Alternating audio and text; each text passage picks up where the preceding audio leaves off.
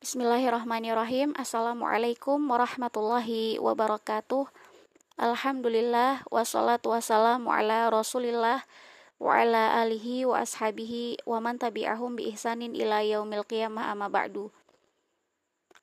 Alhamdulillah segala puji bagi Allah Subhanahu wa taala yang telah menciptakan kita, yang telah memberikan kita rizki, yang telah memberikan kita banyak sekali pertolongan dan juga kemudahan serta nikmat-nikmatnya yang apabila kita hendak menghitungnya, niscaya kita tidak akan pernah mampu untuk menghitungnya.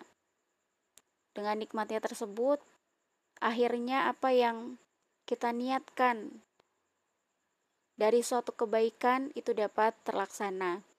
Salawat dan salam kepada Nabi kita Muhammad Sallallahu Alaihi Wasallam, kepada istri-istri beliau, para sahabat, para tabi'in, tabi'ut tabi'in dan juga para pengikutnya sampai hari kiamat. Alhamdulillah Allah Subhanahu wa taala masih memberikan kita kesempatan bertemu dengan bulan Ramadan, bulan yang penuh dengan keberkahan, penuh dengan keutamaan, bulan di mana kita bisa panen pahala, bulan yang merupakan uh, sekolah keimanan bagi kita semua. Oleh karena itu, sangat rugi kalau kita tidak pandai-pandai mengisi waktu dan juga kesempatan emas yang Allah berikan kepada kita ini dengan dengan baik. Tidak semua orang e, bisa mendapatkan kesempatan untuk berjumpa dengan bulan Ramadan ini, bulan yang mulia ini. Kita ingat saudara-saudara kita yang mungkin tahun lalu menjalankan ibadah Ramadan bersama kita, akan tetapi saat ini mereka sudah tidak ada. Bahkan yang harus kita ingat bahwasanya tidak ada jaminan bahwasanya tahun depan kita akan mendapati bulan Ramadan lagi. Bahkan tidak ada jaminan kalau kita akan mendapati Ramadan tahun ini dengan sempurna. Oleh karena itu, jangan sampai kita buang-buang waktu di bulan ini dengan sia-sia.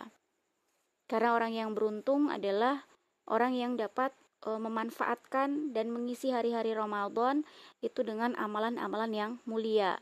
Dan juga menghiasi Ramadan itu dengan adab-adab yang terpuji. Agar kita menjalani Ramadan itu menjalankan ibadah puasa itu tidak hanya mendapatkan lapar dan dahaga saja tetapi bisa mendapatkan pahala yang sempurna, pahala yang berlipat ganda dan akhirnya kita menjadi e, bahagia.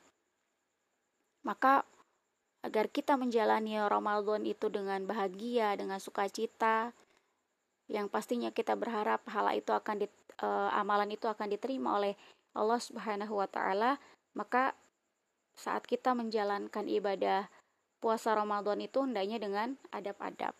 Maka di antara adab-adab yang perlu kita perhatikan saat kita sedang berpuasa, di antaranya adalah yang pertama makan sahur.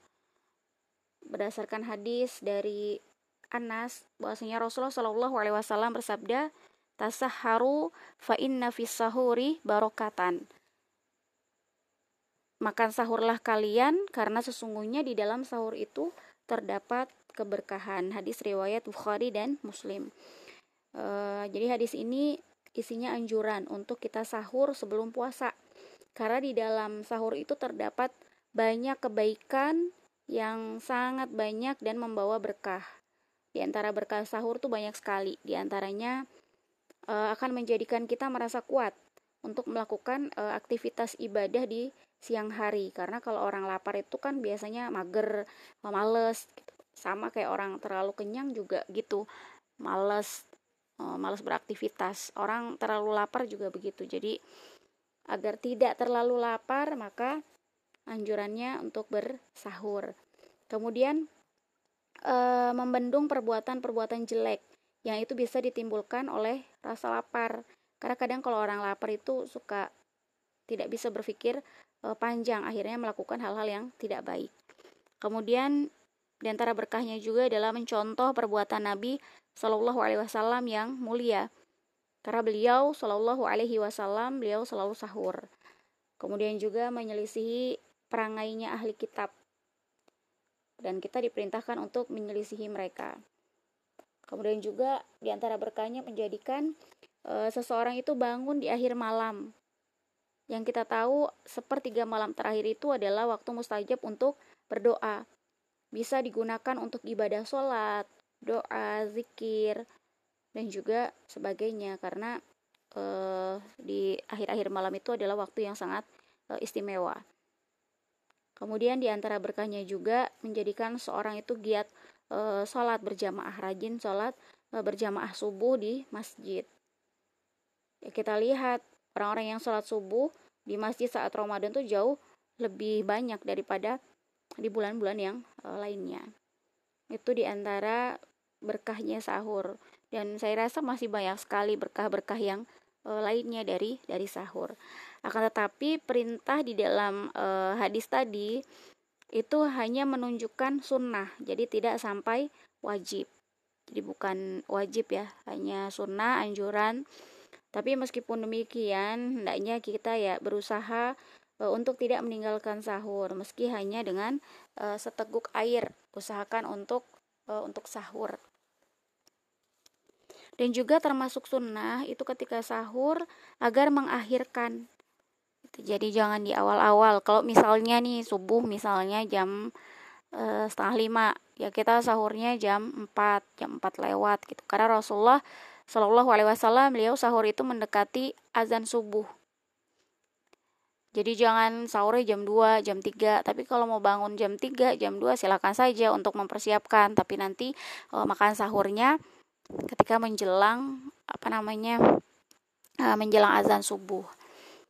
Itu tadi ada yang e, pertama. Kemudian yang kedua, tidak melakukan perbuatan sia-sia dan perkataan kotor. Jadi kita puasa itu tidak hanya menahan makan dan minum saja, tapi lebih dari itu, bagaimana kita menahan anggota badan kita dari maksiat kepada kepada Allah, menahan mata kita dari melihat yang haram, menjauhkan telinga kita dari mendengar yang haram, menahan lisan dari mencaci ataupun menggibah, juga menjaga kaki untuk tidak melangkah ke tempat maksiat. Jadi bukan hanya kita menahan lapar dan uh, haus saja. Kita juga jangan sampai Ramadan itu kita melakukan hal yang sia-sia. Nah, di sini butuh planning, butuhnya kandang waktu. Karena waktu itu kalau nggak dikandangin, dia itu akan lari ke mana-mana. Kita kandangin aja, kita kasih pos-posnya aja, ya seringnya meleset. Tapi kan gak jauh-jauh ya melesetnya. Daripada kita nggak punya planning kita nggak punya kandang waktu kita nggak punya pos waktu. Nah ini apalagi ibu-ibu yang multi talenta ibu-ibu yang apa aja dikerjain. Ibu-ibu yang ngurus suami ngurus anak ngurus rumah tangga dan yang lainnya ini butuh sekali manajemen waktu jadi ketika Ramadan ini adalah waktu kita untuk e, belajar memanajemen waktu. Kalau yang nggak terbiasa punya target, entah itu tahunan, bulanan, pekanan, harian, maka saat Ramadan ini saatnya kita e, belajar untuk menata waktu kita agar waktu kita itu lebih e, berkualitas. Kita tahu apa yang harus kita lakukan. Kita punya to-do list, hari ini kita mau apa. Nah, di Ramadan ini paling nggak satu bulan Ramadan itu kita punya target, pastinya target untuk akhirat ya. Kita mau apa nih di Ramadan ini? Apa yang uh, harus saya bisa gitu ketika bulan Ramadan ini? Pastinya itu butuh manajemen waktu. Tentunya itu butuh uh, kandang waktu, bagaimana kita membagi-bagi waktu. 24 jam itu bagi ibu rumah tangga itu kurang. Bahkan mungkin dikasih 48 jam sekalipun pasti kurang tapi kalau kita punya kandang waktu, kita punya pos-posnya, insya Allah akan e, cukup dan waktu kita itu berkualitas, nggak sia-sia. Kadang kan kita suka pegang HP tuh, kalau udah pegang HP niatnya mungkin mau cari resep masakan gitu, tapi kan stalking A, B, C, D, akhirnya dua jam berlalu begitu saja.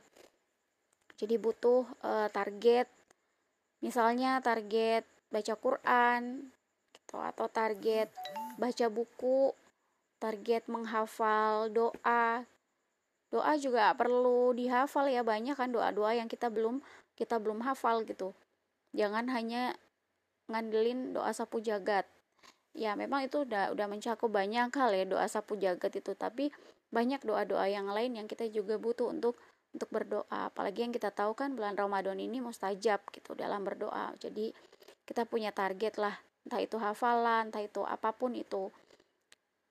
Intinya bagaimana kita punya uh, planning selama satu bulan. Terlebih ibu-ibu nih yang punya anak dan anaknya itu sedang belajar untuk puasa.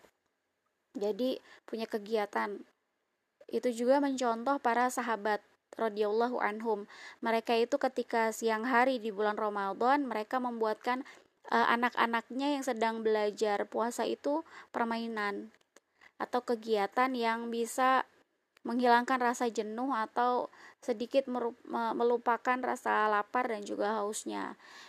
Jadi kalau misalnya ibu-ibu yang magi anaknya belajar puasa bisa bikin kegiatan yang pastinya kegiatan itu tidak tidak menguras tenaga, tidak membuat e, lelah, itu kan. Apa pun itu, gitu. misalnya menggambar, mewarnai atau hal-hal yang lainnya lah, mungkin e, teman-teman bisa lebih apa? lebih paham gitu. Dan semua itu butuh planning agar gak sia-sia aja. Karena kalau kita punya anak yang lagi belajar puasa terus kita nggak punya kegiatan kita nggak punya planning yang jelas akhirnya anak itu rewel akhirnya kita kasih HP akhirnya bukan hal-hal yang baik gitu kan tapi kalau kita punya uh, planning ya anak mau ngapain ya anak mau ngapain gitu itu akan lebih uh, meminimalkan kita untuk teriak-teriak juga gitu Terus kalau anaknya rewel, akhirnya kita sepaneng juga, akhirnya kita ngomel, akhirnya kita nggak bahagia. Jadi untuk menjalankan ibadah puasa dengan bahagia itu ya gimana kita bisa menghandle gitu. Jadi semuanya nggak kacau. Meminimalkan lah, meskipun ya ada aja kadang anak kita udah bikin planning, udah bikin kegiatan, tapi masih aja rewel. Namanya juga anak-anak kita sendiri aja puasa suka rewel.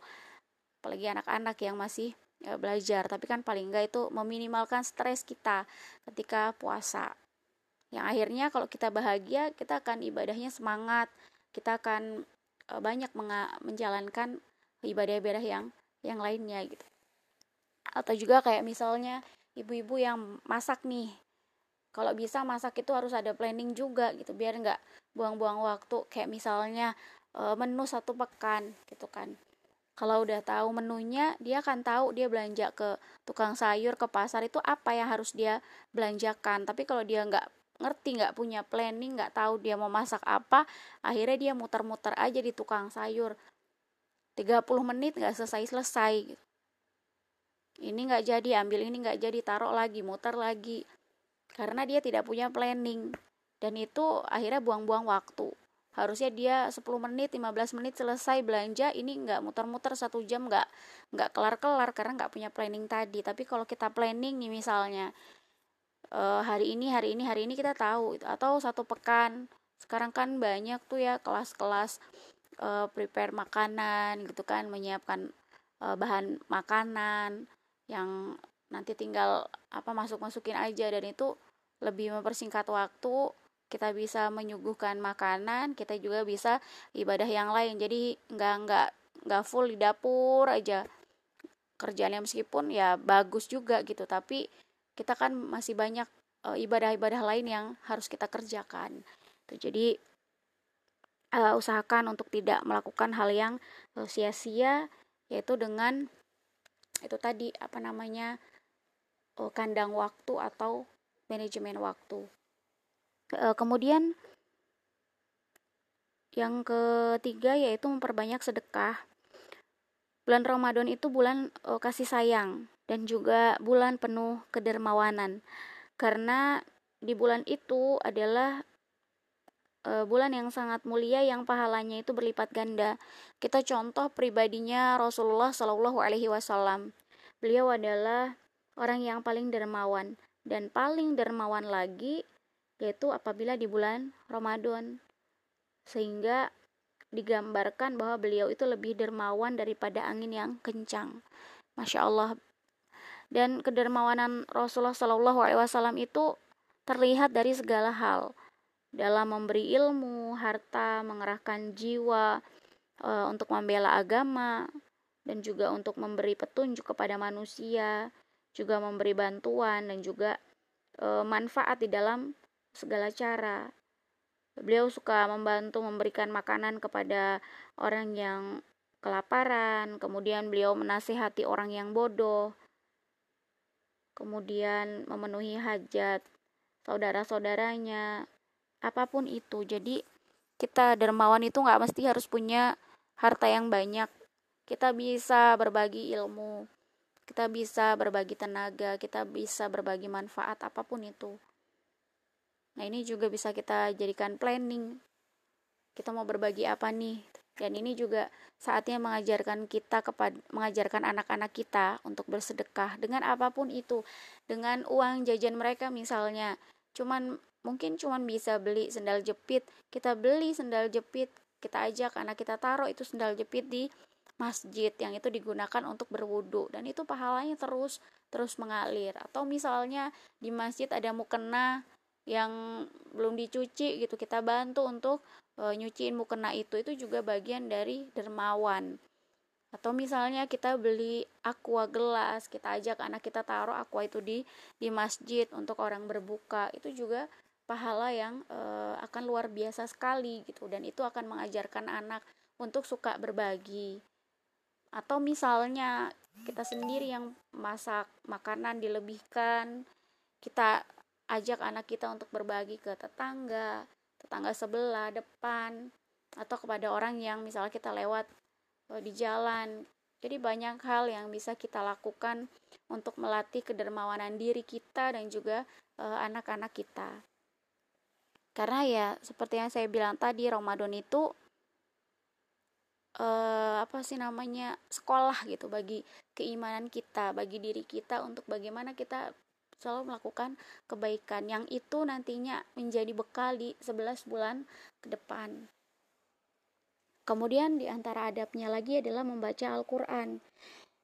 Yang kita tahu bahasanya Ramadan itu adalah bulan e, diturunkannya Al-Qur'an, maka sudah semestinya kita memuliakan bulan Ramadan dengan banyak membaca, membaca Al-Qur'an, dengan mentadaburi, merenungi e, isinya, memahami atau menghafal misalnya. Karena Rasulullah Shallallahu Alaihi Wasallam beliau adalah teladan kita beliau selalu mengecek bacaan Al-Qur'annya kepada malaikat Jibril di bulan Ramadan. Dan banyak sekali keutamaan membaca dan juga mempelajari Al-Qur'an. Sebagaimana di dalam hadis man qara'a harfan min kitabillahi falahu bihi hasanatun wal hasanatu bi asyri la aku lu alif la mim harfun walakin alifun harfun walamun harfun wa mimun harfun. Barang siapa yang membaca satu huruf di dalam Al-Quran, maka baginya satu kebaikan. Setiap satu kebaikan dilipat gandakan hingga sepuluh kebaikan. Aku tidak mengatakan alif lam mim itu satu huruf. Akan tetapi alif satu huruf, lam satu huruf, dan mim satu huruf. Hadis riwayat At-Tirmidzi. Jadi Masya Allah luar biasa sekali e, pahala dari membaca Al-Quran. Satu huruf itu satu kebaikan dan satu kebaikan bisa e, menjadi sepuluh kebaikan. Bahkan di bulan Ramadan ini akan bisa jadi berlipat-lipat. Sedangkan yang kita baca itu berapa huruf tidak tidak terhitung gitu. Jadi ini target juga kita untuk menghatamkan Al-Quran ya untuk ke depannya kita belajar mendekatkan diri kepada Al-Quran mempelajarinya. Yang misalnya belum apa namanya belum e, lancar membaca Al-Quran jangan jangan bersedih hati. Karena Allah akan memberikan dua pahala bagi orang yang membaca Al-Quran tapi terbata-bata. Yang pertama pahala membaca Al-Qurannya sendiri, yang kedua pahala karena terbata-bata. Karena orang yang lancar baca itu enteng bacanya ya. Tapi kalau orang yang masih terbata-bata itu berat. Dan Allah tidak mendiamkan atau membiarkan begitu saja, tapi Allah kasih pahala ketika kita melakukan ketaatan itu dengan rasa e, berat. jadi itu untuk semangat bagi yang masih baru belajar membaca Al-Qur'an masih terbata-bata itu itu semangat karena dapat pahalanya double. Jadi ditargetkan kalau misalnya kita targetnya cuma satu kali, satu kali hatam berarti satu hari itu uh, satu juz.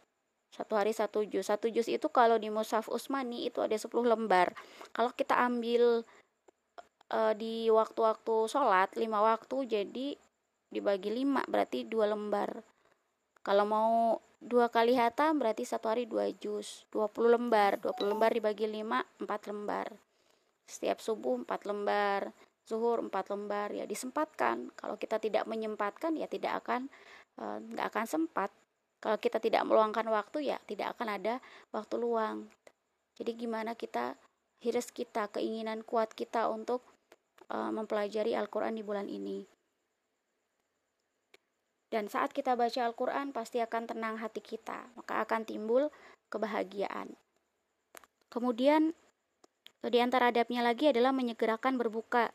Jadi kalau sudah matahari terbenam atau azan maghrib sudah dikumandangkan, maka segera berbuka. Karena ini adalah uh, sunnah Nabi kita Sallallahu Alaihi Wasallam. Kata beliau, la yazalun nasu bi khairin ma'ajjalul fitra. Manusia senantiasa berada dalam kebaikan selama mereka menyegerakan berbuka puasa. Dan ini sunnah Rasulullah Shallallahu Alaihi Wasallam yang banyak dilalaikan oleh kita. Jadi segera ya ibu-ibu nih kalau udah udah mau buka teman-teman kalau misalnya udah mau buka waktunya mau buka jangan mandi nanti aja buka dulu baru baru mandi atau misalnya lagi di jalan lagi di motor nih begitu dengar azan berhenti dulu dibatalkan dulu jadi segera berbuka Kemudian dengan apa kita berbuka? Rasulullah Shallallahu Alaihi Wasallam itu beliau mengutamakan berbuka dengan kurma. Kalau tidak ada kurma, maka beliau berbuka dengan air minum. Jadi beliau tuh berbuka puasa dengan kurma basah sebelum sholat. Kalau nggak ada kurma basah, kurma kering, tamar. Kalau tidak ada kurma kering, beliau minum air. Dan ini juga merupakan keajaiban kedokteran Nabi Shallallahu Alaihi Wasallam karena sudah terbukti secara uh, penelitian bahwasanya kurma itu menyimpan zat gula yang banyak yang itu sangat dibutuhkan oleh orang yang puasa untuk mengembalikan tenaganya, mengembalikan kekuatannya lagi. Apalagi yang kita tahu kurma itu buah, makanan praktis, obat dan juga manisan. Kalau nggak ada, maka dengan air. Ini juga untuk mencuci alat pencernaan dan juga untuk e, menstabilkan tenaga kita kembali.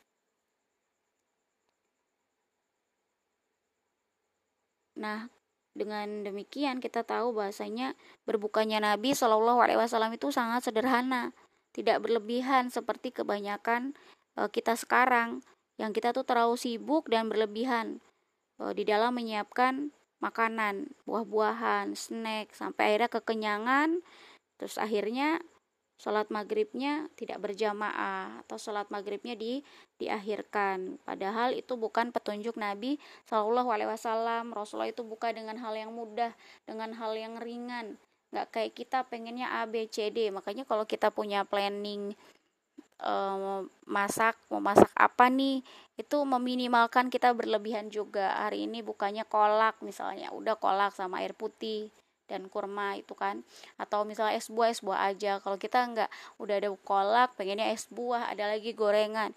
Gorengannya nggak satu tapi sekian macam gitu. Jadi ya eh, kita belajar dari bagaimana cara berbukanya Rasulullah yang simple yang praktis dan pastinya itu e, bermanfaat untuk tubuh kita tidak berlebihan ya. Jadi habis lebaran nggak terus e, BB-nya nambah berat badannya nambah atau apa ya Eh, banyak penyakit dan semisalnya. Itu karena salah satunya karena kita berlebihan. Kita nggak makan siang tapi ketika buka kita balas dendam. Karena buka tuh bukan balas dendam. eh, kemudian berdoa dengan doa yang diajarkan oleh Rasulullah Shallallahu Alaihi Wasallam yaitu zahabadhu ma'u wa batalatil uruku wa sabatal ajru insyaallah telah hilang rasa dahaga, telah basah kerongkongan dan mendapat pahala insya Allah. Kemudian juga bagaimana kita dianjurkan memberi makan orang yang berbuka puasa. Hendaknya kita bersemangat untuk memberi makan kepada orang yang berbuka puasa karena pahala ganjarannya itu sangat besar sekali. Barang siapa yang memberi makan kepada orang yang berpuasa, maka baginya pahala semisal orang yang berpuasa tanpa dikurangi dari pahala orang yang berpuasa sedikit pun.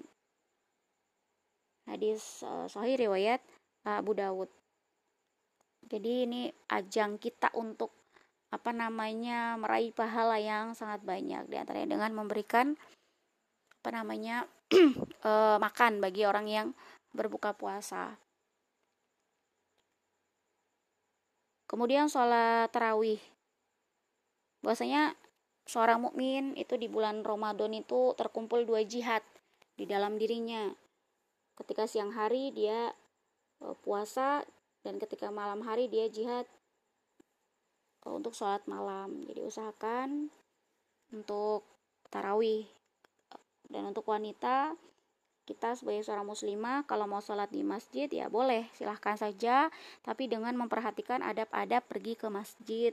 Seperti misalnya memakai pakaian yang syari kemudian tidak memakai wangi-wangian tidak bercampur baur dengan eh, laki-laki dan pastinya dengan uh, izin suami. Tapi tetap sebaik sebaik-baik sholatnya seorang wanita adalah di dalam rumahnya. Tapi kalaupun mau ke masjid boleh-boleh saja. Kemudian di antara adabnya adalah perbanyak doa. Ini termasuk keberkahan bulan Ramadan. Bagaimana Allah memuliakan kita semua dengan jaminan terkabulnya doa. Karena keadaan puasa itu merupakan saat-saat waktu terkabulnya doa. Maka gunakan kesempatan yang berharga ini dengan memperbanyak doa dengan menghadirkan hati dan juga eh, kemantapan jiwa. Jangan sia-siakan waktu yang sangat istimewa ini dengan hal-hal yang tidak ada gunanya. Lebih-lebih ketika kita akan berbuka puasa. Kita ketika menjelang berbuka puasa tuh kalau bisa kita duduk duduk manis gitu ya, khusyuk berdoa. Itu waktu mustajab itu. Jangan sibuk aja, sibuk cari ini, sibuk cari itu, sibuk nyiapin ini, sibuk nyiapin itu. Tapi manfaatkan waktu yang tidak tidak akan terulang lagi itu dengan sebaik-baiknya. Jadi sebelum eh, detik-detik uh, menjelang berbuka itu banyakin doa, doa-doa kebaikan pastinya untuk diri sendiri, untuk keluarga, untuk orang-orang muslim. Perbanyak doa. Karena itu adalah waktu yang uh, mustajab untuk untuk berdoa. Jadi itu di antara adab-adabnya. Kalau kita melaksanakan puasa dengan adab-adabnya, insya Allah kita akan menjalankan puasa itu dengan bahagia, dengan sukacita. Gitu. Puasa itu bukan sebuah beban, bukan sebuah beban yang harus kita apa ya eh, kita merasa susah gitu dengannya. Tapi hendaknya kita senang gitu bahagia ketika ketika menjalankan ibadah puasa tersebut. Karena ya kapan lagi kita akan e, berpuasa? Anggap aja ini puasa terakhir kita karena kita tidak punya jaminan tahun depan ya kita berharap tetap berharap tahun depan kita dapat ketemu lagi sama bulan Ramadan sehingga kita bisa e, memperbaiki kekurangan-kekurangannya. Tetapi kan tidak ada jaminan jadi kalau kita anggap ini adalah Ramadan terakhir, maka kita akan bersungguh-sungguh di dalam menjalaninya. Terlebih ketika di 10 hari terakhir bulan Ramadan, di mana di situ ada keutamaan yang Allah berikan yaitu malam Lailatul Qadar. Malam yang lebih baik daripada seribu bulan. Yaitu ketika kita beribadah pada malam itu sebanding dengan ibadah kita selama seribu bulan seribu bulan itu 83 tahun lebih 4 bulan yang padahal umur kita aja belum belum tentu sampai segitu. Makanya jangan sampai ketinggalan jangan sampai kita sia-siakan gitu. itu luar biasa sekali keutamaannya. Dan itu bisa didapat dengan siapa pun. Bahkan wanita haid sekalipun e, bisa mendapatkan malam Lailatul Qadar. Jadi jangan bersedih ketika kita haid kadang sebagian dari kita itu ngerasa nggak suka gitu ya ketika Ramadan dia uh, haid. Yang harus kita tahu Allah Subhanahu wa taala memberikan kita darah haid, memberikan kita haid itu bukan karena hal-hal yang tidak baik atau untuk merugikan kita, tapi pasti di situ banyak sekali kebaikan-kebaikan yang akan kita dapat. Jadi dinikmati ketika haid itu dinikmati. Kita kan ketika haid cuman nggak boleh apa namanya puasa sholat. Tapi ibadah yang lain masih bisa kita lakukan gitu. Jadi jangan bersedih ketika kita uh, haid di bulan Ramadan karena masih banyak keutamaan-keutamaan yang bisa kita uh, dapatkan meskipun kita dalam keadaan haid. Termasuk mendapatkan malam uh, Lailatul Qadar. Mungkin itu saja semoga Allah Subhanahu wa taala memudahkan kita di dalam beribadah dan juga menerima apa yang kita lakukan dari perbuatan, dari ucapan, selalu meminta pertolongan kepada Allah agar dimudahkan. Tanpa kemudahan dari Allah, kita tidak akan mampu untuk melakukannya. Assalamualaikum warahmatullahi wabarakatuh.